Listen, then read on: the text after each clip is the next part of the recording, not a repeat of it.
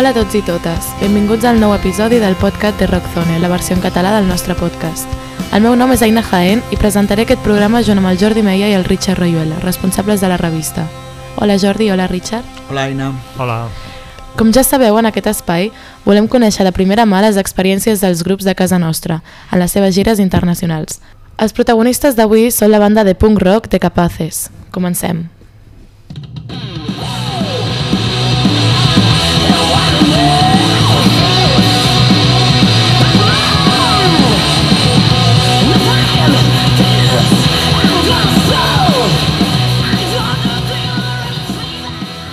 Malgrat la pandèmia, The Capaces van aconseguir treure un nou disc, el seu setè treball, al març del 2021. De fet, Zoetrope, aquest era el seu títol, va ser creat en un moment d'incertesa.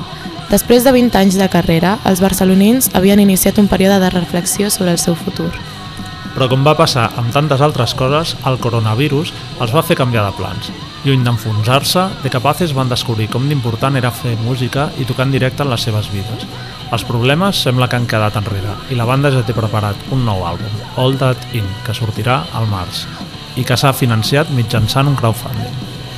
Avui ens visita la Marta Fontana, coneguda artísticament com Martillo, per parlar sobre el moment actual del grup, recordar les seves aventures per Europa i també parlar de la seva novel·la La Casa de Verges, publicada per la Marca Negra l'any passat.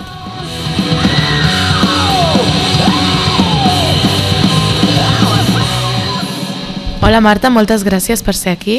Eh, és veritat que Zoetrope anava a ser el vostre darrer disc? Explica'ns una mica com va anar tot plegat. Doncs aquesta era la intenció, era fer o sigui, un final però com si fos una, una frenada així amb calma, mm -hmm. no? no para de sec perquè no, no era la intenció, però sí que volíem anar fent com desalarització i poquet a poc amb aquest simbolisme que té el trastoquet del Zotrope, que tu li dones una ventallada amb la mà i allò gira, gira, gira fins mm -hmm. que s'acaba i ahí termina la història. Mm -hmm. Però la pandèmia no ens va deixar i pels nostres nassos que vam dir ens n'anirem com ens dongui la gana, no perquè Clar. ara no, no vam poder fer ni bueno, vam fer que no sé si van ser tres o quatre bolos d'aquests de merda amb la gent sentada que van estar genials per les condicions en les que estàvem tots però volíem marxar uh -huh. com, com calia uh -huh. i, i fent-ho pues, ben fet i això va quedar com una despedida interruptus molt bé, i ara ja esteu a punt de treure un nou disc, Oldarin, on heu fet un crowdfunding per editar-lo. Com ha sigut aquesta experiència? No és, no és la primera vegada que fem un crowdfunding perquè bé, per sobre de tot de capaces són pobres i costa molt, costa molt. Vull dir, l'altre dia no sé qui deia que els, els músics, sobretot els rockers, són fàbriques de perdre diners i em sembla que és molt acertat. Aleshores vam decidir fer aquesta campanya de crowdfunding que també a part de que ens ajuda molt econòmicament, també engresques molt a la gent, la fas participar i fas que sigui un projecte una mica mm. de tothom i és molt gratificant, no només per la pasta, sinó Clar. per veure com la gent s'involucra no? i participa. Eh, I ha anat molt bé, ha anat molt bé, hem aconseguit l'objectiu que teníem i amb això, doncs, 5.000 euros, no? 5.000 euros, sí. Eh, estem ara preparant, que ja, està, ja està en, en muntatge un videoclip que serà La Rehòstia. Vull dir, hem sigut molt ambiciosos, eh, perquè també hem demanat força bueno, diners. Bé. Per nosaltres són molts diners, 5.000 euros.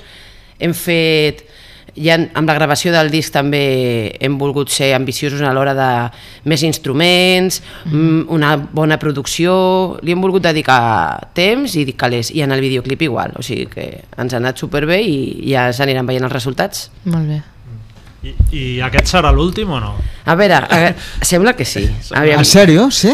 La qüestió és que no te puc assegurar que n'hi hagi o no n'hi hagi un altre, però per mi, personalment, eh, vull dir, potser si tingués aquí algun dels meus companys podrien dir-te alguna cosa més, però jo necessito parar a poc a poc, aquest disc que el penso girar amb tota l'energia i amb totes les ganes del món, evidentment, ho estic desitjant, no és que vulgui parar, però sí que necessitava com que de capaces havia arribat a un, a un cim i havia culminat i, bueno, necessitava no, fer com un, bueno, fins aquí, aquest és aquest, a la vida, no? tot té un principi i tot té un final. Uh -huh bueno, ja veurem aquest final, que serà, si serà com volem, espero que sí, que no hi hagi cap catàstrofe mundial, i en principi, per part meva, sí que seria un punt punt seguit, punt final, punt un, una mena ja de punt suspensiu. Suposo que creativament cada vegada en el fons és complicat, no? perquè són molts discos, però també logísticament, no? Tu ja tens família, sí. bueno, suposo que altres del grup també, clar, tot això no, no ajuda molt a portar una banda de rock and roll, no?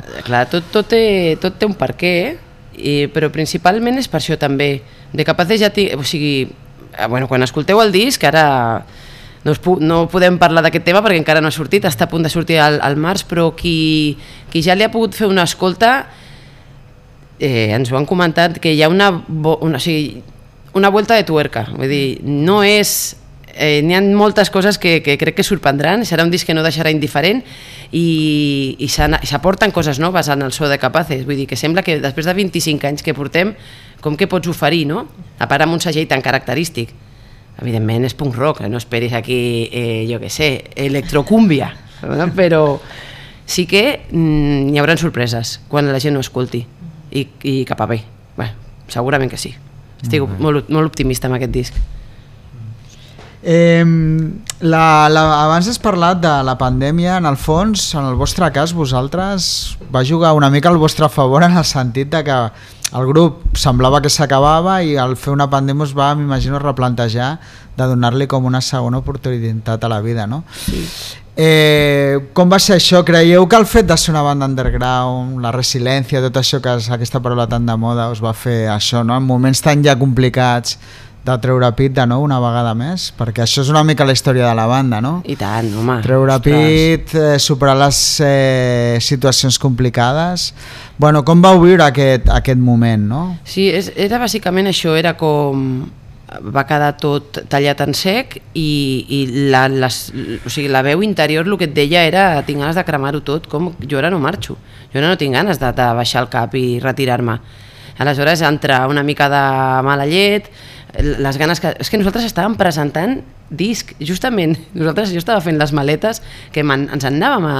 no me'n recordo on, on era, era, bueno, crec que era Madrid, no ho sé, bueno, i, i, i es va acabar tot, ja no va haver-hi cap concert més, cap gira, teníem un disc que acabava de sortir, Aleshores, això que dius tu, no? que és aquest moment que va ser com una catarsis de dir, bueno, eh, ho traurem com ens dongui la gana quan puguem, però tot va quedar allà com un poço i, ha hagut una erupció ara tremenda amb aquest disc i estem molt, molt, molt engrescats i molt entusiasmats. O sigui que sí que ens ha fet com de... com te diria jo?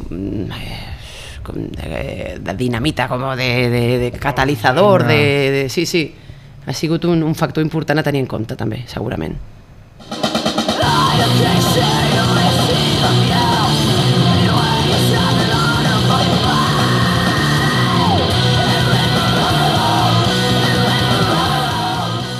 Has dit abans una mica que en aquest nou disc hi haurien com sorpreses en quant al tipus de música, però per la gent que no us conegui, com descriuries l'evolució musical del grup?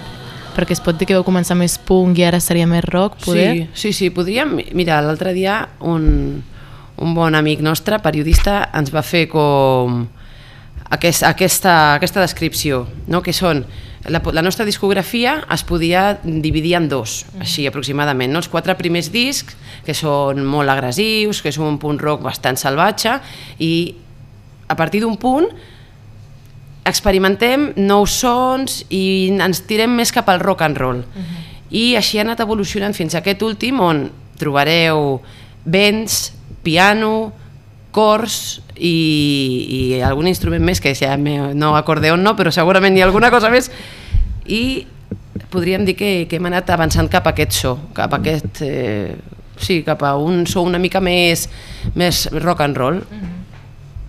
Un dels elements molt significatius de, del sol grup és precisament la teva veu.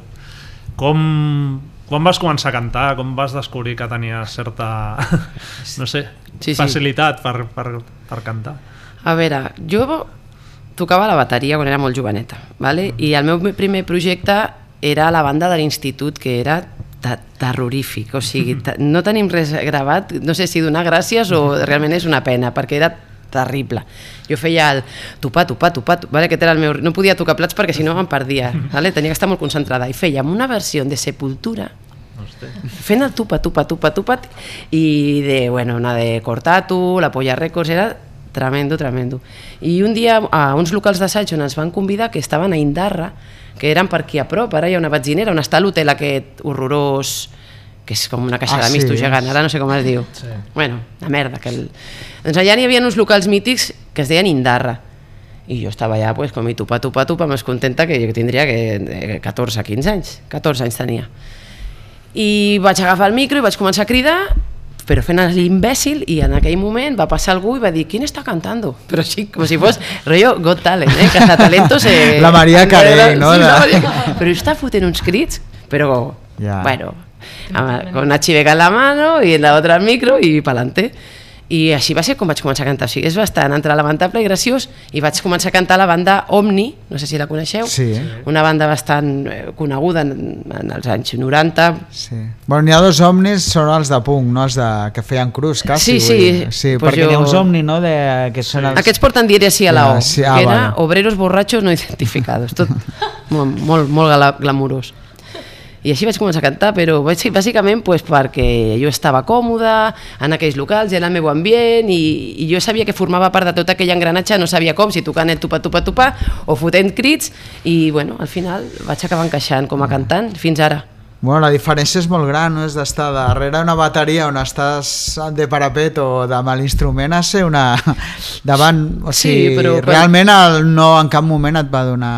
O sigui, et va sorprendre a tu mateix que tingués... Em va sorprendre que Que algú tingués la- li, la capacitat de veiés cantar. valor en aquella, merda que estava fent. Vaig dir, hòstia, bueno, pues, aquesta gent gran que sembla que sap que entén del tema perquè els Ja. hi creurem i sí, sí. mira, Però vas fer alguna cosa llavors quan vas veure, hòstia, puc ser cantant, no sé... No, Cri- ja no dic cridar molt, cridar molt. cridar molt. Va donar la coincidència també que per algun motiu eh, biològic meu tinc força resistència a cridar, a part d'un bon entrenament de molts anys, que és com una capacitat que dius, "Però que quina utilitat li podem donar a no quedar-se fònica? Doncs pues mira, farem un grup cantant de crust. I, I així va ser, però va ser molt més endavant, ja en el projecte de Capaces, inclús ja quan vaig començar a experimentar amb el soul, amb la meva banda de shake, que vaig donar-me compte de que hi havia més opcions que no estar cridant com una desgraciada. I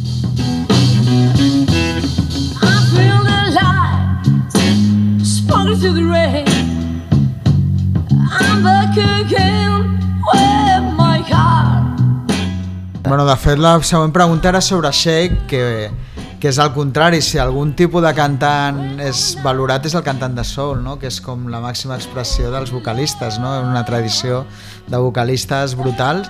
Clar, passes de ser cantant d'un grup de punk rock a un grup de, de soul. Sí. Eh, com et sents amb aquesta experiència? I també una mica has parlat de Capaces, que potser estan arribant al seu final o tal com els hem conegut. Sé que el veus com un projecte amb més continuïtat? Home, és complicat compaginar els dos projectes quan estàs al 100%, per exemple, ara amb el que serà una presentació d'un disc. Vull dir, Shake ha passat a segon pla, però quan Shake ha presentat disc i tal, ens anem combinant. Ara, de moment, Shake està una mica en segon pla per, per aquest motiu, perquè estem dedicats en cos i ànima en aquest nou disc. Eh, I com a repte de cantant, clar, passes de ser realment un cau a una banda de punk rock no és que et puguis amagar, però bueno, el, la pròpia intensitat de la música fa que el cantant sigui una per més. Una, una banda surt realment el cantant està allà a primer pla. T'has de replantejar tantes coses i aprens tantes coses. Una de les coses importants que aprens també per què els cantants de punk criden tant o per què el cantant de rock projecta tant la veu, perquè està competint amb, amb amplis que tenen vàlvules i electricitat i decibelis i vatios i tota la merda. Tu tens la, el teu cos i la teva veu. Aleshores això fa que t'emputxi per cridar per sobreviure. Aleshores jo amb el volum que, que he anat visquent al llarg de la meva vida el que ha fet és que cridés moltíssim per això. Aleshores quan jo arribo al projecte de Shake aquesta sensació de sentir-te despullada i dir bueno, bueno, bueno, ara què? Perquè, clar, has de defensar una cançó i a sobre no una cançó qualsevol, perquè, evidentment, comencem a fer versions per veure com funciona i, clar, fes-te una versió d'Aretha Franklin. vale? Per això. A veure, primer de tot, molt de morro i moltes ganes d'aprendre. I per mi ha sigut una experiència d'aprenentatge tremenda. Evidentment, no sóc, eh, com es diu, eh, Carlos Latre, que és un imitador. Evidentment, ni és la meva intenció arribar als registres, ni puc. Però sí que imitant-la o escoltant-la molt, practicant sobre ella, he après on és, on és el meu lloc en aquestes tessitures més de soul, que no deixen de ser també mm, o sigui, en, eh, emocionalment i de sentiments, són molt fortes eh, també, tenen molt a veure amb el, amb el punk, perquè nosaltres no fem un, un, un soul d'aquest a l'uso d'ascensor o clínica dental, és el soul més sudor, sudorós, de barrio, de més agressiu i té molt de... és molt com a desgarrador, eh, o, bueno, Sí, sí, sí. m'entens? Aleshores, en aquí sí que he trobat jo moltes conne- connexions, però també he après, après moltíssim. Ja. I a nivell de, diguéssim, de front woman o inclús a l'hora de vestir, de tot, també és un repte, vull dir, dintre de tot a un concert de punk, Home. tot i que tu en general cuides ser inclús a capaces, dintre de l'estètica, sempre t'has cuidat molt, no has pujat Sí, con lo una cosa- primero que pillo. El eh? show és el show. A mi... Dir, que, que moltes vegades un dels problemes pots estar en un grup de punk rock i sortir a tocar bé i arreglat, encara que sigui com una banda punk, no? Això sí. ho he cuidat molt, tu... Però clar, m'imagino que els codis són també molt Home, diferents. molt diferents. Jo fins que vaig poder dominar a la bèstia que es tirava una cervesa pel cap i ensenyava el cul, doncs me va costar molt comportar-me que després una vegada ja has domat a la bèstia ja pots treure-la quan vols, però clar, estàs molt acostumada a fer el que et dóna la gana, a insultar la gent, a, a tirar-te pel terra i, i clar, no t'imaginis un concert de shake amb una noia allà enmig eh, movent els braços com la xica Yeye, eh, vull dir, és molt agressiu també, però sí que està, està controlat i és molt guai dominar aquestes forces, perquè aleshores les pots fer sortir quan vols. En Capaces és un torrent d'energia i, I i desbocada. Però bueno, són, per això eh, me va costar una miqueta, clar. Tot té el seu procés d'aprenentatge. Però ha sigut enriquidor, i ha sigut molt enriquidor per Capaces. Shake ha influenciat moltíssim a Capaces. Capaces està, o sigui, Shake està molt, molt influenciat per, per, o sigui, Shake està molt influenciat per Capaces, però Shake ha influenciat moltíssim a Capaces. Quin follo m'he fet, però ho heu entès, No, oi? bueno, no, també hem de dir que, clar, el guitarrista, que és Cli... Bueno, Sí, clar, és el mateix. Porteu tota la vida junts, no? Que també és una relació molt interessant, no? Sí, la, sí, la sí. vostra de... Portem treballant junts tota la vida.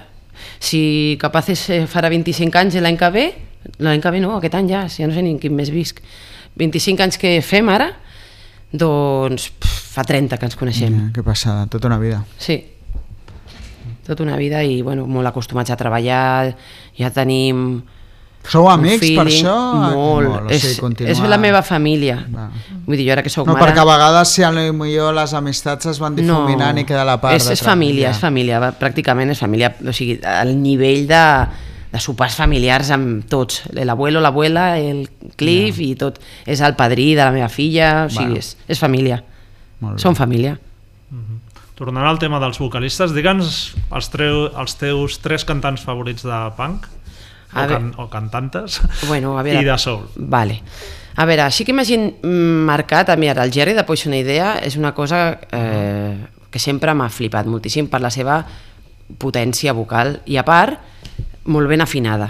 Vale? Sí que m'agraden altres tipus de registres, jo que sé, m'agrada molt, ja que sé, Discharge, vale? però és una bogeria de veu totalment destrossada i desgarrada, però el Poison, en Poison Idea hi havia aquest punt que m'agradava molt, una veu molt cavernosa, molt potent i molt ben controlada.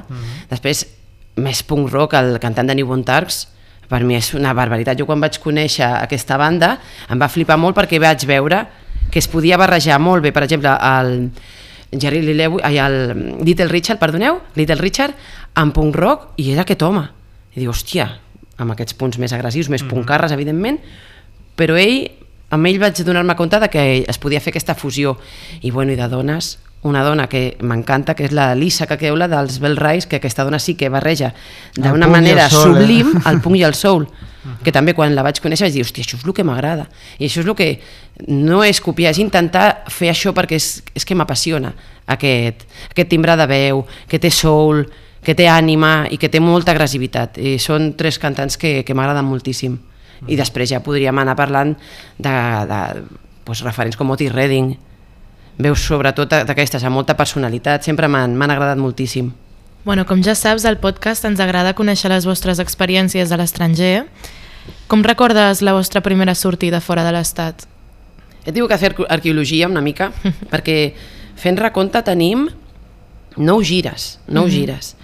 I la primera, la recordo doncs, que vas amb, amb una mica de por, sí que havia fet altres concerts, però no havíem sortit així, diguéssim, a l'estranger i tants dies, no? I vas amb una mica de... Bueno, no saps què et trobaràs, després et trobes que la mateixa gent que està allà està aquí i tot és el mateix, no? però aquesta visió una mica de, de noia de barri, que no ha sortit de, de, de la seva ciutat, entre cometes. I bé, va ser molt salvatge la primera gira. Vam tocar a sales supercanyeres, Eh, per exemple, a, a Karlsruhe hi ha una sala que es diu Alte Hackerei que és increïble, és que és brutal. És una sala amb un so, vull dir, és primera divisió. Vale? I en aquella mateixa gira, després d'haver tocat també a Leipzig amb una altra sala gegant, que nosaltres eh, estàvem al·lucinant, ella, ostres, quin bon so, bons tècnics, bona rebuda de la gent, estàvem acostumats una miqueta, potser aquí tocar a la, a la papa, ¿m'entiendes? A la carronyera, un poco de dir, hòstia, que, quin nivell, no? Però en el tercer concert arribem a una casa, enmig d'un poble, Sí. i, i en aquest concert nosaltres li vam, el vam batejar com a l'estadi de Regensburg. Per què? Vam anar, tenir que anar com a una espècie de, de búnquer d'aquest així anti, anti, antiaèreo, sense ventilació, ple de, de, de, o sigui, per baixar els amplis teníem que anar de costat pels passadissos perquè no, se, amb una bombeta pelada a a- al sostre. I quan vam arribar a lo que era la sala de concerts faria 4 metres quadrats la, o sigui, impressionant. La sala, no la sala. La, no, l'escenari era la sala sense ventilació. A un sòtan. Sense, amb una bombeta. una habitació. una habitació però que per arribar a aquella habitació tenies que passar per molts passadissos. Bueno, doncs no sé, a lo millor van haver, van, 100 persones van haver-hi allà, tenien que anar a tornar-se, entrant, sortint, el baixista va, jo crec que va tocar tot el concert en l'aire perquè no cabia, agafant-lo, eh, tirant-nos ampolles d'aigua amb, gas pel, pel cap de la de suor, gent desmaiant-se, o sigui, va ser impressionant. O sigui que molts contrastos. La primera gira va ser, la primera va ser, gira va ser com molts contrastos, de sales molt potents a llocs... De, de fet, crec que en general, no? la gent d'Alemanya s'explica molt això, no? que pots tocar... Sí. Que en general està tot sempre bastant ben organitzat, però que els contrastos pots anar Clar. A llocs o que, que parlen del nivell de les cases ocupades, que són brutals, però que també a vegades et Trobes, trobes... trobes amb això i era clar, un miércoles en Alemanya, que encima crec, si no m'equivoco, era Pasqua, eh, que allà tampoc feien res, era com, mira, és- que ha sortit això, o, això o res. I us dic que el recordo com un dels millors concerts de la meva vida, eh? Això ja passa també. Perquè va ser, viure jo, viure jo és, és una cosa que, que, que és, és única. És única i, clar, Com, com veu establir el contacte amb aquesta gent? Qui, qui us la va muntar la gira? O com... Nosaltres som un desastre i mm. part de la culpa nostra, és nostra, evidentment, és tot aquest tema pues, de, de no tenir la repercussió que ha tingut una banda com pot ser de Capaces, que, hòstia, tio, són 25 anys, 8 discs, 9 gires, una per Estats Units, o sigui, és com, què passa, no? pues que som un desastre i, bueno, hem anat tirant d'amics i aquest era un, oh, monto una gira por Alemania. Venga, vamos, tío, a por todas. I, i així sortien les gires. I, bueno, sortien molt bé, eh, alguns desastres i després alguns desastres que es transformàvem en, en legendarios. Aquest concert va ser antològic. Però quan dius que sou un desastre és perquè creus que us ha faltat visió Home, jo penso que sí. de negoci o comercial? Sí. O... sí. Nosaltres ens hem tirat pedres sobre la nostra taulada, però pe pedruscos. Primer, eh, hem tingut opció també de que ens editessin segells importants al disc, però perquè estaven sota les GAE, hem renunciat. O sigui, el segell que estava traient a Societat Alcohòlica ens va proposar treure un disc i li vam dir que no. Mhm. Sí, tenim molts drets i també som una mica gilipolles, però és així. Aquesta és la nostra història i l'hem volgut, volgut escriure així. Evidentment, després, bueno, pues, i com aquestes podrien anar-te explicant unes quantes i al final tu vas fent el teu camí, que sí que és molt, és molt guai, però té les seves O sigui, ho conseqüències. faries diferent ara, segurament, algunes d'aquestes decisions. n'hi ha coses que no, però sí que podríem buscar solucions, evidentment. Aquí, no, vinga, pum, tanquem en porta, pam! Ja. bueno, no sé, podríem trobar algun terme mig, no dic que anéssim amb l'ESGAE, però també ara n'hi ha altres opcions. En aquell moment era ESGAE o nada. Si volies, al- eh, si volies treballar amb un segell important, si no, era tot do yourself i a punto, s'acabó, però si volies una mica més encara lluís tenies que passar per ESGAE per collons. Ara ja hi ha altres jocs i altres maneres de registrar les cançons. Però bueno, aleshores no. O no ho sabíem. Fa un moment hem, hem apuntat el tema de les cases ocupes i Espanya es té una visió, jo crec, bastant distorsionada del que són les ocupes a, a molts llocs d'Europa. Explica'ns una mica, tu que ho has viscut, ho has vist, hi has estat, eh, això, que, quina impressió et va donar, també si inclús et va sorprendre a tu mateixa el que esperaves amb el que et vas trobar... Clar, era molt diferent, però ja, no- ja en, en Espanya mateix, les ocupes, a nivell d'ocupes que te pots trobar al nord, és que allò és increïble. En el País Basc són, són centres que estan autogestionats, li podríem dir així. Ocupa, bueno, és que clar, jo quan penso aquí en ocupes, jo he estat tocant a una ocupa on la llum estava punxada a una farola, va ploure, va explotar tot, o sigui, tu imagina't el nivell d'ocupes que poden haver per aquí, o la carronyera, una molt famosa que n'hi havia per aquí.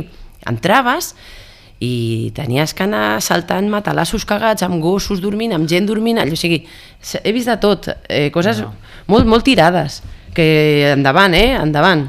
Ara, jo va arribar un punt que vaig dir, jo no toco més a llocs així, tio.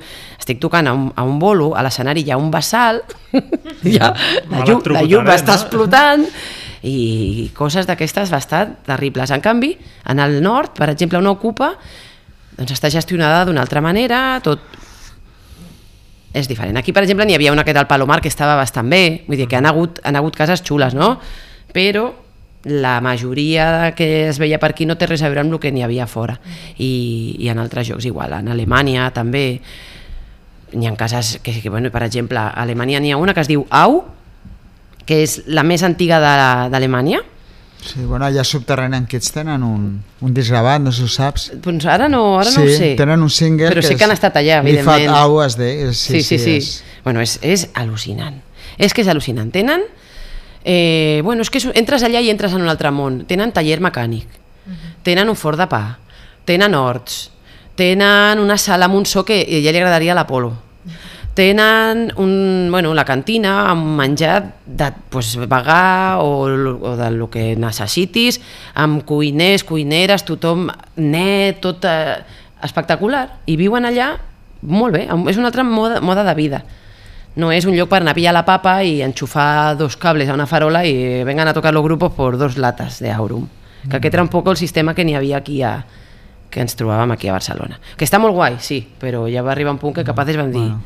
Jo sí, de fet, això us volíem comentar, no? que suposo que en un moment que començar a tocar a sales convencionals, per d'alguna manera, perquè m'imagino que arriba un moment Ah, que un- estàs cansat de, Home, o és- cansada d'això, no? I sobretot quan has vist a l'estranger. respecte per les bandes, tu, és que arriba un punt que dius, però esto que mierda és? Després, un so. Tu tens que cuidar el teu disc, el teu so, la teva banda i, i no pots estar tocant allà amb unes, unes condicions mínimes i, bueno, i després això, trobes una mica de tot. Perquè les cases ocupes, en la manera de funcionar en general, suposo que cadascú, tu cobres una mica, t'ofereixen uns diners, tu cobres segons la gent que va, cada casa ocupa. N'hi ha serietat amb aquests Sí, temes? home, molta, molta, molta, molta serietat. I a part, no només això, que, que, que és tot molt seriós, sinó el públic també té un altre concepte, no és tant eh, el concepte d'anar al bolo del fin de a pillar la papa, sinó és cultura, és un oci cultural i la gent va allà per militància també i apoyen l'escena de la seva ciutat i de la seva, de la seva ocupa i és, és una mica diferent.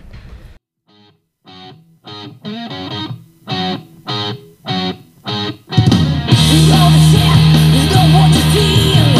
You're all the tip, straight from the brain. You're all the tip, it's too fast to do. Ja que has portat tants papers, Sí. això entenc que és el mapa de la gira D'Estats Units, sí. Units. Aquesta, quin any? El 2011, Això va ser el 2011. No? Explica'ns una mica què, què surt al mapa. Aquesta, bueno, aquesta, aquesta gira va ser molt guapa també i, i bueno, va ser una banda que, eh, ara, a veure que me'n recordi jo, eh, bueno, va ser, ens vam conèixer en una gira anterior i després ens vam, va haver-hi molt bona relació i ens van dir, vinga, l'any que ve veniu als Estats Units i ens van muntar la gira i vam anar, vam anar amb ells. Quina banda era? Espera't un moment, perquè ara és que se m'estan en la olla. La banda era Exile, però eren alguns membres d'una banda de Bulèmics, que són d'Austin, de, Texas. I alguns membres tenien una banda que es, deia Exile i ells van ser els que ens van portar als Estats Units. I aquí també van flipar, perquè és molt diferent de tot el que n'hi ha a Europa de los Estats Units. És un altre món.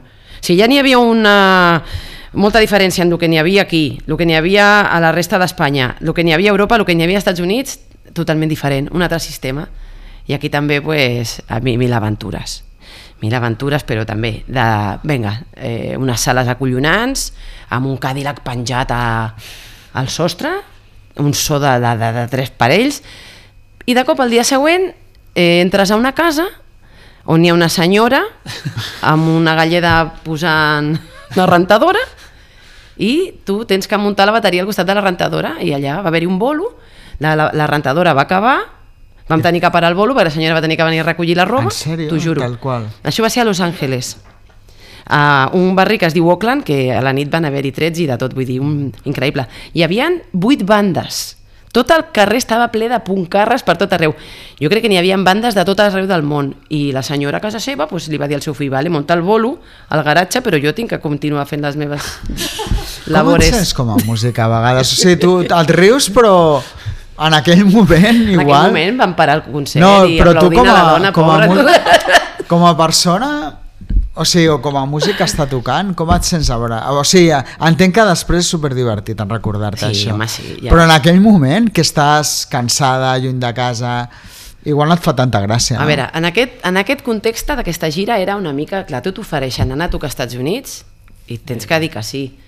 N'hi havia sales molt guapes, pero claro, un lunes en Oakland, pues Claro. está el garaje de esta Lavadora, señora que aún ya. ha tenido la decencia Ya. de invitar a todos estos punkis, que per lo menos havia 400 persones. Aleshores, és una bona experiència ara, que me dius que ara me trobo en aquesta situació, ara avui jo la martillo d'ara, i potser em cago en tot. Però en aquell moment va ser algo fantàstic Ja. i una experiència pues, eh, irrepetible. I, i, i I crec que veu fer costa oest i... Sí, i va, bueno, sí, vam estar, van ser 21 dates. Una passada, eh? 21 dates. Mm, Jo vaig estar dormint a terra tota la, tots els dies, on hi havia llits, moquetes, bueno, mil històries. Històries de fantasmes també, si voleu. Sí, alguna? explica. Sí, sí. Aquí tinc una, tinc una Que d'aquestes... a més després parlarem una mica Dels més misteris. Els fantasmes, els Sí. misteris que... Doncs aquí tinc una al·lucinant a, a Denver, que vaig flipar perquè són d'aquestes que no... Me tuve que ir a Denver per, per viure una de les experiències més tremendes de la meva vida. Doncs aquell dia vaig agarrar, agafar un pet horrorós, ¿vale? Mm. perquè no deixaven veure. Si les sales pot accedir tots els públics de totes les edats, no es pot veure alcohol. Vale? Aleshores, aquesta sala no es podia veure alcohol. Pues jo vaig agafar un Minute Maid d'aquest de taronja, el vaig buidar i vaig omplir-lo de whisky. I me'l vaig veure tot i, bueno, en fi, vaig acabar amb un pet important. I quan vam arribar a la casa on dormíem, a mi me van agafar, eh, com la vella durmiente, me van fotre un plegatín, jo no me'n recordo de res. Al matí m'aixeco, bueno, al matí no, era s'estava com fent de dia, era la matinada. M'aixeco i no sé ni on estic, jo de- no sabia, o sigui, Marte, Barcelona, dic, on collons estic? I n'hi havia un noi al final de la sala, i jo li vaig preguntar, hola, perdona, eh, qui- quin, eso no, sonidos El ambiente, fantasma. el fantasma, Ja, el fantasma que està, a veure què cuentes, eh?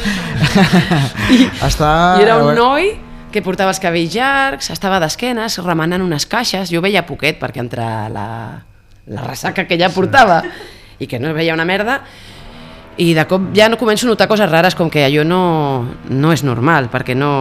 I bueno, ja de cop allò es para i es gira i comença a venir cap a mi. I no té peus. Però té com uns pantalons... No té peus. És una massa negra, sense cara, sense res, i, i al final diria que era un pantaló acampanat però no tocava terra. Bueno, la típica història de, Sí, sí. de supervivència, de me tapo con la sàbana fins al cap, vaig fer això, en aquell moment vaig sentir que em tocaven els peus, vaig sortir corrent de l'habitació i a l'altra habitació estaven els meus companys dormint pel terra i vaig començar a trepitjar cames, peus, allà, ah! cridar tots. Vaig sortir d'allà i fins que no es va fer de dia no vaig voler tornar a entrar. A dir, però ¿dónde coño? Però què, què és això, no? A l'endemà ja amb el sol, amb la llum, vaig tenir valor de tornar a entrar i estava en una habitació on tot semblava antic. N'hi havia un ordinador antic, piles de, de diaris, n'hi havia unes ulleres allà obertes, però tot ple de pols com si fes anys que no ho tocaven. I fotografies, i n'hi havia un noi amb una fotografia que Semblava s'assemblava que- bastant. I li vaig preguntar a l'amo de la casa, oye, on he dormit, què és això? I me va dir, aquesta era l'habitació del meu germà gran, que va morir i els meus pares no han, no han tocat mai ni, la, ni una colilla, ni unes gafes, ni, res, ni els sobres, ni res, tal i com ell ho va deixar. Perquè no, vull dir, va ser un xoc per tots nosaltres que morís i, I qui et va fotre allà a dormir? Perquè també... Lo... Jo... Clar, si no ho toca ningú i et fiquen allà. Igual em eres la primera persona que va dormir allà. En... Doncs ja li vaig dir, dic, bueno, pues tu hermano Està, està... està por aquí. Vull dir, fenómenos paranormales a la gira dels Estats Units. No està mal, eh? No està mal, no està mal.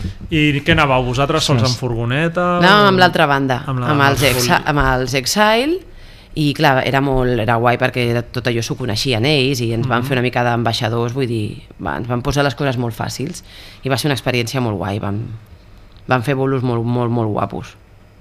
Com a nivell, perquè clar, 21 dies dormint amb fantasmes al terra. Sí, i menjant fatal. Pets, menjant fatal. Vam tornar grocs va- com el clar. Simpson. Jo estava groga com el Simpson, però clar, perquè no teníem un duro i anàvem menjant hamburgueses d'un d'un dòlar o Taco Bell, d'aquell, que, que, quin fàstic, no he tornat a menjar. Va arribar un punt que anàvem, compràvem api, saps? I anàvem menjant api a la furgoneta com conills. Estàvem fins als nassos de, de menjar basura. Ja, bueno, És lo barato, clar, no, i allà Sí, tampoc sí. t'imagines ara, pues, jo què sé, vaig a aquest forn i em compro un pa, un xoriço i em faig un bocata, allò no existeix, no existe. I res, i va ser aquestes experiències. A veure el següent paper que, que portes. Bueno, tinc, tinc més gires, tinc del 2003, del 2015, ai, del 2014, del 2015, del 2016. Aquesta va estar molt guai del 2016 perquè van fer... No, quina va ser? Del 2015. Van fer una gira molt gran per a Espanya, que feia molt que no fèiem, i va estar molt interessant també. També van fer un munt de dates. alguna de gira que destaquis realment? Bueno, aquesta americana sembla que va ser Sí, molt aquesta va ser molt guai però- i aquesta que t'he dit del 2015 també la recordo molt. És l'última que heu fet? No, l'última va ser el 2016 i clar, jo és que la meva filla va néixer el 2016 i ja després ja. fins al 2022 no van fer cap més de gires, eh? Ja. Sí que les va, els concerts que van sortir o les gires, entre cometes, després de jo haver sigut mare, doncs eren caps de setmana i m'emportava la nena. O sigui, la meva filla m'ha anat acompanyant, ha anat a Sí, agafat avions i de tot. M'ha estat tocant amb un show i jo... Sí, de fet, algun vídeo has penjat alguna vegada de la cria per allà. Sí, Sí, mola sí. molt. Està bé integrar-los a la vida, no? Home, clar. Sí, ho veuen d'una manera per jo, natural. jo he estat donant el pit 3 anys i clar, tenia que portar-me-la, o sigui, era acabar el bolo corrents i a dar la teta. Ja, que no seria gens fàcil, no? També a vegades no vas en ha les millors de les esgotador, ha condicions. sigut esgotador, és una cosa que, que tornaria a fer i m'ha agradat molt, a part, jo que sóc una borratxa, he estat 3 anys sense beure alcohol, que ara he vuelto en barrena, Ja, todo lo que no... todo lo que no, i, i era esgotador, eh? era esgotador, però és algo que tornaria a fer, evidentment, per a la meva filla, i ha estat molt bé poder compaginar-ho. Molt bé. Eh, volíem parlar de la teva faceta com a escriptora, però bueno, una mica per acabar el tema Capaces, eh, quina, quin creus, creu que és una banda que en certa manera deixeu o encara esteu actius però heu sigut una influència un exemple cap a... Sí, jo sempre dic a mi ja saps que quan va sortir la banda em va agradar molt per mi era, era una mica com uns hereus una banda que jo adoro d'aquí que és Arrow Beach no? Era aquest concepte de banda de punt rock and roll amb una noia amb molta actitud, agressiva. I crec que vosaltres agafeu això. Creieu que n'hi ha que capaces han sigut a l'exemple cap a altres bandes? Tu et veus reflexada amb altres noies? És que crec que el, el concepte cantant de punt rock ets tu o de o ara, bueno, deixem a parlo de Shake, no acaba de... Sembla que, la, que costa de, de, que, de que agafi solidesa, de que n'hi hagi moltes noies fent això. Tenim ara, per sort, molta dona fent música, fent rock, fent punk, però crec que falten més cantants guerreres com tu. Guerrera és una paraula una mica lamentable, però entens el que et vull No, dir, no? és- no, ja t'entenc. A veure, no me veig... O sigui, abanderada d'això no ho veig jo, no, no m'hi trobo. Sí que és veritat que, que evidentment hauré sigut influència o, o una mena d'empenta, no? de dir, ostres, si ella ho està fent perquè no ho puc fer jo, o, o vull provar de fer el que fa aquesta dona, aquesta noia, segurament, i m'ha arribat no? de, de noies que, et vaig veure quan tenia 14 anys i em va agradar... Bueno, I dius, hòstia, que guai, no? Però així com alguna cosa que diguis no, o és molt aviat o no m'ho trobaré o no, no, no, no sé què contestar-te això perquè no, no, no, no t'ho puc dir, no ho sé, no ho sé, evidentment, segurament hi ha algun cas puntual sí que te puc dir mira, aquesta persona, però no més. Creus que falten cantants de punt rock per això? Falten bandes de punt rock, si no n'hi ha. De no, i tu, N'hi ha molt poques, és que n'hi ha molt poques. N'hi han de molt guais i, I, i, de molts estils dintre de... Perquè, clar, el tema punk rock, no, tot s'ha obert una mica, no? Vull dir, jo què sé, pot ser més grunge, o pot ser més punk, o pot ser més punk pop, o no, ja, ara me venen al cap bandes, jo què sé, pues mira, les Lizards, o les Disaster Jacks, o jo què sé, Bala, eh, l'altra, com es diu, la de, que la- que l'adoro, Bandida, que era la cantant de, de Think, una cantant Ah, excepcional, però són més contemporànies nosaltres que no influències. Sí, no, L'una a l'altra ens també retroalimentem, eh? Accidente de Madrid, que és un grup que Clar, ha tocat per tot també, el món. També, i- vull dir, i ara penso Bala, que fa poc ara escoltava també no sé, és com que s'ha obert molt, però tot i haver-hi bastant moviment, no n'hi ha una escena, no n'hi existeix. Mm. L'altre dia també ho parlàvem, de que quan eh, Capaces va començar sí que n'hi havia una escena. Ja no parlo d'homes i de dones, eh? parlo d'escena de punk rock. N'hi havia, estaven els Reapers, estaven els, els Riot, aquest, els... Sí, Riot es deien? Right, perdó, Right o Lipsticks, què més hi havia? Bueno, també estava clar, Muletrei, no Aerobis, tal, i, i més bandes, però es van anar dissolvent i no ha hagut una regeneració, no, aquelles bandes es van anar fonent i que no n'hi ha bandes, que nosaltres estem a lo millor buscant algú per a la presentació del disc o a qui li proposem perquè vingui a tocar o aquest, i costa, costa. N'hi ha, eh? Ja. Però eh, no n'hi ha una escena, vull dir, pues imagina't de dones, tamp- tampoc. Sí, sí que n'hi ha, però és molt petita. N'hi hauria d'haver-hi moltes més, però és que jo no sé si està la nostra escena poco tocada, Bueno, eh? És complicat, són moments... L'edat del públic? Ja, cada vegada puja més, exacte. Això ja és un debat que- surt moltes sí. vegades. Cada vegada costa més agafar Sí. gent jove que li interessa Mhm, això. I tant.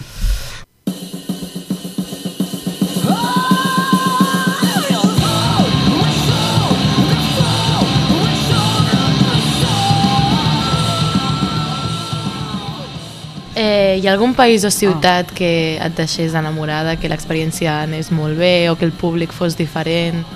A veure, n'hi ha un lloc que és a Colònia, Uh -huh. on hem tocat molt, a una sala que es diu Sonic Ballroom, vale. i allò és, entres a aquella sala i allí algú passa que el món es perd de vista, te dediques en cos i ànima al punk rock, tothom s'hi dedica, els que estan a baix a l'escenari, els que estan a dalt, els que estan a la barra, els que tothom s'està dedicant en cos i ànima al punk rock en allà, i no sé què passa, però sempre és tot com místic. És, és una meravella, perquè hi ha aquesta conjunc conjunc conjunció de bon so, bon feeling, bon públic, bon ambient, eh, una sala espectacular. Si algun dia passeu per allà, us recomano que aneu a veure qualsevol bolo que estiguin fent a Sonic Ballroom. Jo en una entrevista anterior és que ja es feia el Popcom, eh, que era una fira, i jo vaig anar 8 anys, clar, i alguna vegada m'escapava a veure per la nit algun bolillo. Home, és que i és una sala meravella. Que a Alemanya en general he vist molts llocs xulos d'aquest tipus, que aquí potser sí que ho trobo a falta. O sigui, pots anar a Düsseldorf i n'hi ha... Aquella, ja entenc el que dius d'aquella sala, però a veure una sala també molt xula. Crec que, que amb això Espanya és un país que falla i n'hi ha més el, la cultura d'anar a prendre una copa o una birra i veure tocar una banda. Clar. Aquí això s'ha perdut del tot. I I, tant, crec i que tant. ja encara tira, tira I més. tant, i que tira. I és que a part, tu ara mateix vols fer un bolo i ja vas a tocar i encara t'estàs traient el suor de la puta cara que ja te venen, venga, vamos, va, venga, fuera, fuera, que viene ja la disco. És que no... Ja, aquest és un altre Aquest problema. és un altre problema, dir, però hòstia, a veure, què està passant aquí? No, Perquè les sales no poden viure realment de Ja, concerts. o sigui, llavors... Sí que sabem el que està passant, sí que sabem que no, Sí. que és, que és fàbriques de perder que dinero. Una, clar, llavors aquests jocs, com dius tu, els són, hòstia, són ja jocs fets Clar, una home. mica en consonància per això. Acaba el bolo que, i una punxada de l'hòstia. que era una mica el que teníem aquí al Rock Sound, no? Home. que era aquest concepte de bar que no depenia de la nit tant, però també al final la nit no funciona. O sigui, que és que és un problema a vegades trobar sí. aquest... Aqu, bueno, O l'estraperlo, també estava clar. Clar. vull dir, que diguis que queda lluny a l'estraperlo, però realment sí, és que és, és un dels factors que ha fet que la sala no. Ja. no continués, però està aquí, està aquí al costat, però no sé, fill, fill. Ja no estic... No, podria ser jo quasi, no. Estem... Tampoc això el teu pare, però... El miedo no siempre es malo. A veces es una advertencia. De ti depende salir corriendo o adentrarte en las sombras y tratar de entender por qué asusta lo desconocido. Somos Marta y Gemma Fontana y visitamos lugares malditos tratando de conocer sus historias. Sí, eh, això, parlàvem una mica abans que m'he colat de, de pregunta abans de que acabés l'Aina. La teva faceta d'escriptora, que és una cosa que cada vegada fa més força, bueno, d'on ve el teu interès per la literatura i en quin moment pues, et llences a, a fer un llibre o a escriure o... Jo per abans de, del meu interès per la literatura tenia una història per explicar. Perquè la meva única experiència en la literatura eren 20 anys escrivint lletres. Punt. No n'hi ha més. Jo no havia escrit mai res, només que les cançons de, de les bandes. I, i va haver-hi algú que m'ho va dir. Em va dir, tiene algo de musicalitat aquest llibre. Dic, bueno, potser sí, són capítols curts. I bàsicament això era una història que tenia pendent per escriure, d'una història personal, també, com no, relacionada amb fantasmes. I vaig dir, ara és el moment. I vaig escriure-la, la investigació va durar dos anys, i durant l'embaràs vaig posar-me a escriure, i, i bueno, quan el vaig presentar a l'editorial era com, oye, mira, jo te paso esto, i aviam què et sembla, eh? I sí, sí, de seguida li va agradar molt, me'l van publicar, i és que el tema de, de la història, de la història que jo explico, ja s'ha convertit en... És un cas de misteri ja, d'Espanya. Vull dir, ja està Oficial. oficialment. Sí, sí, eh, tu ara busques a Google la història que jo explico d'aquesta casa i hi ha un puntero que posa Casa Encantada. Cuarto milenio, pero bueno, de cuarto milenio porque se la han sacado de la mano, porque vaig a estar cuarto milenio, pero bueno, se han, se han adjudicado el, el caso, no passa res. Però sí, sí. I bueno, ha tingut molta repercussió, ha sigut al·lucinant. Ja, això és al·lucinant. el que, perquè el que deies de He Quarto Milenio, llibres. de cop i volta et veia una entrevista en lloc, però què fa aquí? Sí, sí, sí, no? sí. I em va sorprendre molt la... Bueno, suposo que tu la primera, no? Home, La- i tant. A mi, o sigui, quan va sortir el llibre vaig enviar així el típic, no? que fas una mica de promo, envio aquesta ràdio, envio aquesta, envio l'altra i a quatre punts i, la- i, i als 15 dies m'estaven trucant de Ràdio Nacional d'Espanya, de Onda Cero, de Cuarto Milenio, de rac i m'he fotut un tour per totes les cadenes i tots els mitjans especialitzats en misteri d'Espanya. I ha sigut al·lucinant la- l'acollida del llibre i bueno, en realitat el llibre és una història personal viscuda des de la ment d'una nena eh, com si fos una mena de diari més la investigació que vam fer d'adultes junt amb la, la meva germana sobre aquesta casa i bueno, ha tingut molt interès i, i ha funcionat molt bé Recordem això, és la Casa de Verges per la, Marca Negra, Mm. la marca no? negra que és, Ah, és de Múrcia que és al·lucinant de cop hi ha una, la, los murcianos, la, la marca negra de Múrcia i com és això? Dic, bueno, pues perquè pues vells van apostar i són els millors editors que, que puguin haver en, en aquest Mhm. món A- per mi sí A, a nivell, diguéssim, de tècnica d'escriptura, et va sorprendre que et resultés relativament fàcil, perquè, hòstia, escriure una, una novel·la... És que clar, com no és una novel·la, jo... Bueno. eh, és algo que he viscut jo ja. i, i ho tinc molt, molt, molt profundament ja lligat a la meva vida, a les meves creences. Aleshores me va resultar molt fàcil. Era com treure-ho, no? Sí, era I- explicar-ho. Uh, molta gent em diu que li agrada el llibre, per què? Perquè diu, és que l'estava llegint i era com si m'estigués prenent una birra amb tu. Pues a mi aquesta cr- crítica m'a- m'agrada molt, perquè era el que bueno, pretenia. és un llibre que, que crec que a vegades l'èxit dels llibres és que tu amb l'autor tinguis Connectes, aquesta connexió de- de- de- d'estar proper a ell, no? de que sí que n'hi ha un punt de dir... Clar, jo a vegades com ja et conec no saps fins quin punt clar, t'imagines ja la persona, no? tot i que la història em va sorprendre molt de dir, ostres, què fa aquesta escrivint sobre això, no? Sí. Però, però sí que et coneix, però entenc que, que sí que dona el llibre, entenc molt bé que t'ho puguin dir, i on està una mica a l'èxit, si el vols dir així, del llibre, no? que, que t'explica una història, en el fons, molt sobrenatural, que no passa cada dia, i al final te l'acabes creient i acabes sent part d'aquella història, tu, no? I, I penso que aquí Mm. Sí, crec sí que, que... que ha sigut aquest un dels, dels valors que ha tingut I aquest això, llibre. com diu el Jordi, crec que, bueno, és, eh, requereix una, com a mínim un do, no surt així com així. Aviam, jo l'explic... És una història que m'agrada molt, l'he explicat amb molt de carinyo, perquè també parla de la meva família i per mi és molt important. I jo crec que, clar, bueno, com ho faig tot també, eh? vull dir, ho faig sempre tot des de dins, eh? amb molt de sentiment i amb molt de, molt de cuidado, de cuidado de, de cuidar, eh? Mhm. d'estima, i bueno, va funcionant aquest sistema de fer les coses així. Tens pensat fer-ne més? Home, ara de moment, una història així no, No. no. no, surt en, en, Ja. en dos dies, eh? Clar, jo quan me va arribar el llibre de l'editorial i vaig veure que, que eres tan flaquito. Digo, però Déu meu, amb el que m'ha costat. Ja. Ara, I la gent ja vol un altre, no? Llibre, dic, ei, ei. O sigui, he resumit aquí 10 anys de la meva vida i una investigació de dos anys. Ojo, està tot molt... No, no, costa molt. Costa molt. Ara sí que estic involucrada eh, escrivint guions, perquè tinc un, un podcast amb ma germana també, perquè arrel de tot aquest èxit i la gent que vol saber més i doncs hem decidit fer un podcast de misteri on expliquem experiències personals i altres investigacions i bueno, doncs anem escrivint guions i amb això també vaig traient una mica el, el gusanillo. O no, no el pot escoltar la gent? Això, està a iVox, Mhm. es titula, és en castellà, La muerte puede bailar, i cada 15 dies pugem un tema nou, i bueno, està, està tenint molt d'èxit també. La veritat és que no em puc Ets queixar. aficionada a podcast de, De sempre. Crime i tot això? Sí, i de, jo de sempre. i- Ja sí. quan, abans d'escriure el llibre, molt aficionada al misteri des de sempre. Jo quan sortia, anava a, la, a comprar-me la Metal Hammer, la Popular 1, més endavant la Rockzone i eh, Año Cero, Enigmas, Más Allá. El kiosquero ja tenia Estava mi content lote. amb tu, Sí, sí, sí. Este era mi lote de... De revista. De revista. I, I de totes maneres, en aquest moment, això d'explosió del true crime que estem vivint, no heu tingut o no has tingut ofertes de portar-ho més a fer una sèrie o alguna cosa? Sí, m'han proposat coses. El que passa que, ja et dic que si algun dia surt aquesta oportunitat, ho mirarem bé.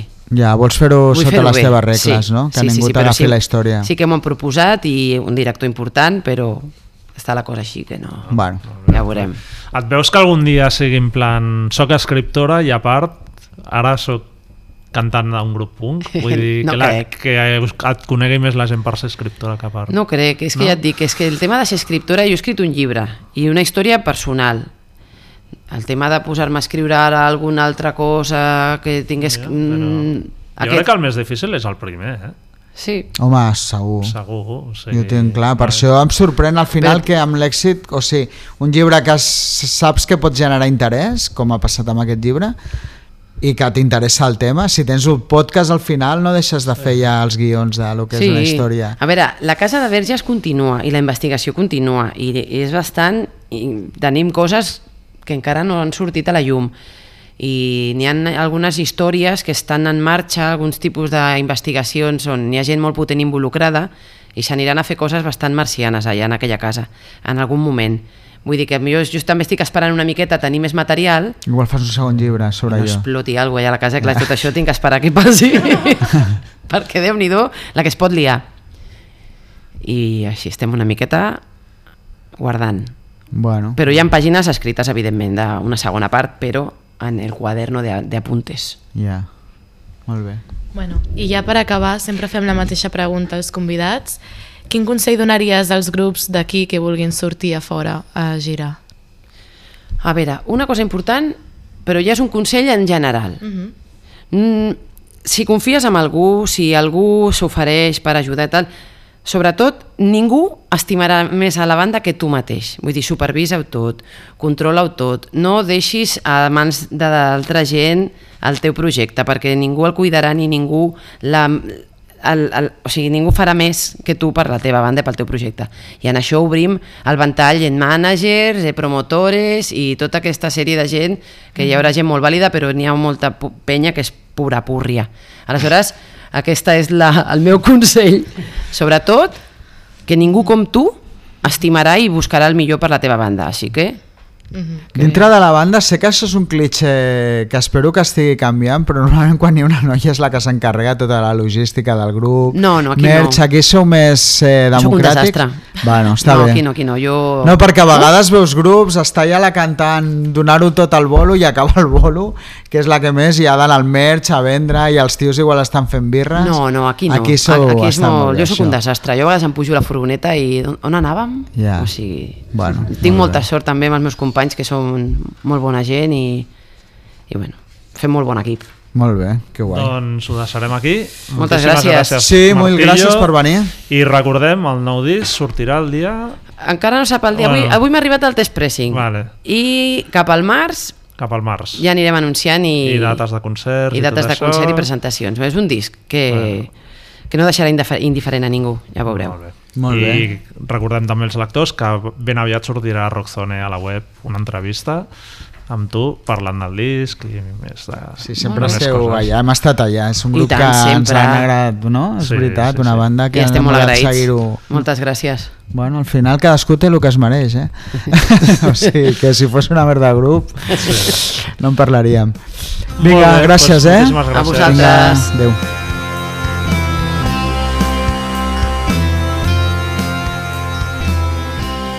Us podeu subscriure al podcast a qualsevol plataforma on els escolteu habitualment, Spotify, Apple, iVoox, i també ens podeu seguir a la nostra pàgina web, rockzonemac.com i les nostres xarxes, Facebook, Twitter o Instagram. A reveure!